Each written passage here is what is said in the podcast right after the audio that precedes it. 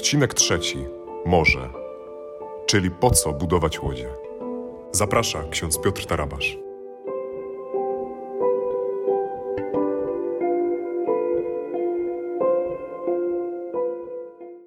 Szczęść Boże, witam wszystkich i zapraszam do wysłuchania trzeciego odcinka naszego piątkowego podcasta zatytułowanego Szkutnia. Obraz łodzi jest jednym z najczęstszych, którym chcemy opisać to, czym jest Kościół. Wspominaliśmy już, że sam Chrystus powiedział świętemu Piotrowi, że będzie rybakiem ludzi.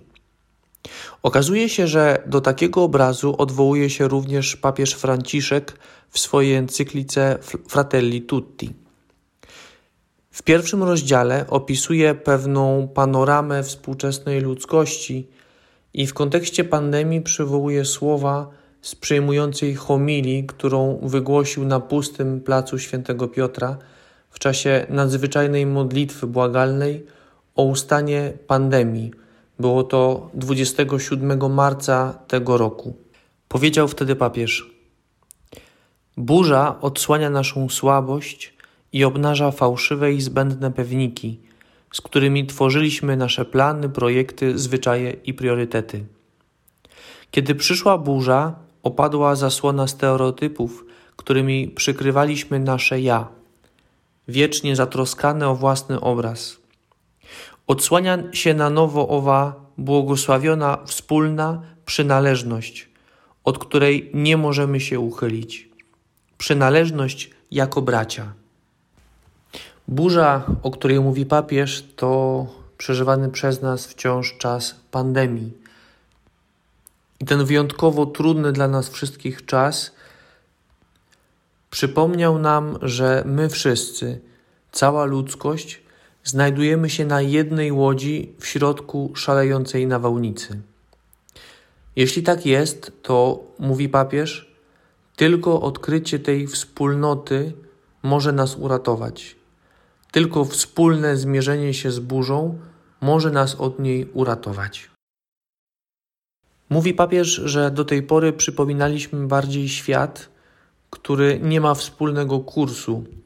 Powiedzielibyśmy, że jest jak łódź, która dryfuje i płynie tam, gdzie poniosą ją wiatry. Stąd encyklika Fratelli Tutti jest wezwaniem do tego, abyśmy my wszyscy, ci, którzy znajdujemy się na jednej łodzi, obrali wreszcie wspólny kurs. Jest jednocześnie bardzo konkretną propozycją, w którą stronę płynąć.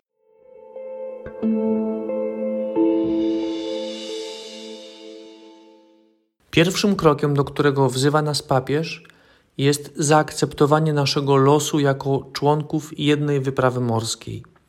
To znaczy, musimy dostrzec, że chcemy tego czy nie, jesteśmy członkami jednej załogi, bez względu na różniące nas poglądy, pochodzenie czy religię. Możemy kłócić się z innymi członkami załogi, nawet o najbardziej błahe sprawy, ale wobec burzy musimy działać wspólnie. Musimy tworzyć prawdziwą załogę. Jeśli oczywiście nie chcemy skończyć jako rozbitkowie.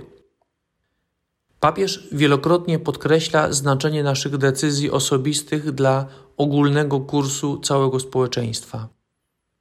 Wbrew temu, co często nam się wydaje, papież chce nam przypomnieć, że nasze wybory i nasza osobista kondycja moralna i duchowa naprawdę mają ogromne znaczenie dla całych społeczności, dla wspólnot, w których żyjemy. Problemy, z którymi mierzą się społeczności, są tak naprawdę problemami jednostek.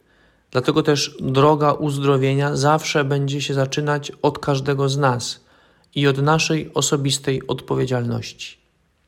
Stąd encyklika Fratelli Tutti stanowi wezwanie bardzo osobiste do każdego z nas i rysuje konkretny projekt, który można i trzeba zastosować od zaraz w naszej codzienności. Apel pierwszej części encykliki to wezwanie bardzo proste. Ktoś mógłby powiedzieć, że wręcz banalne, aczkolwiek praktyka pokazuje, że tak wcale nie jest. Jest to apel do wyjścia do drugiego człowieka, kimkolwiek by on nie był. Papież przypomina, że tylko prawdziwe i żywe relacje, takie, które nie potrzebują mediów społecznościowych czy innych elektronicznych pośredników, mogą nadać wspólny kurs łodzi, w której wszyscy się znajdujemy.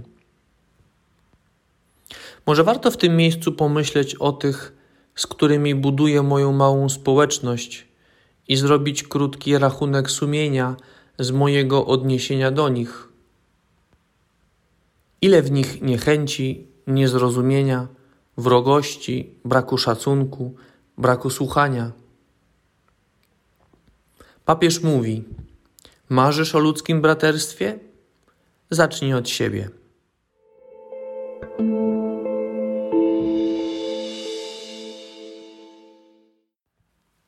W następnych odcinkach będziemy chcieli prześledzić, jaki kurs naszego wspólnego rejsu proponuje nam papież.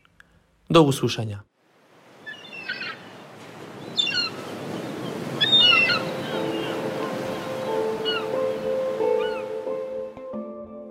Na następny odcinek zapraszamy Was już po świętach, w nowym roku, 7 stycznia o godzinie 19.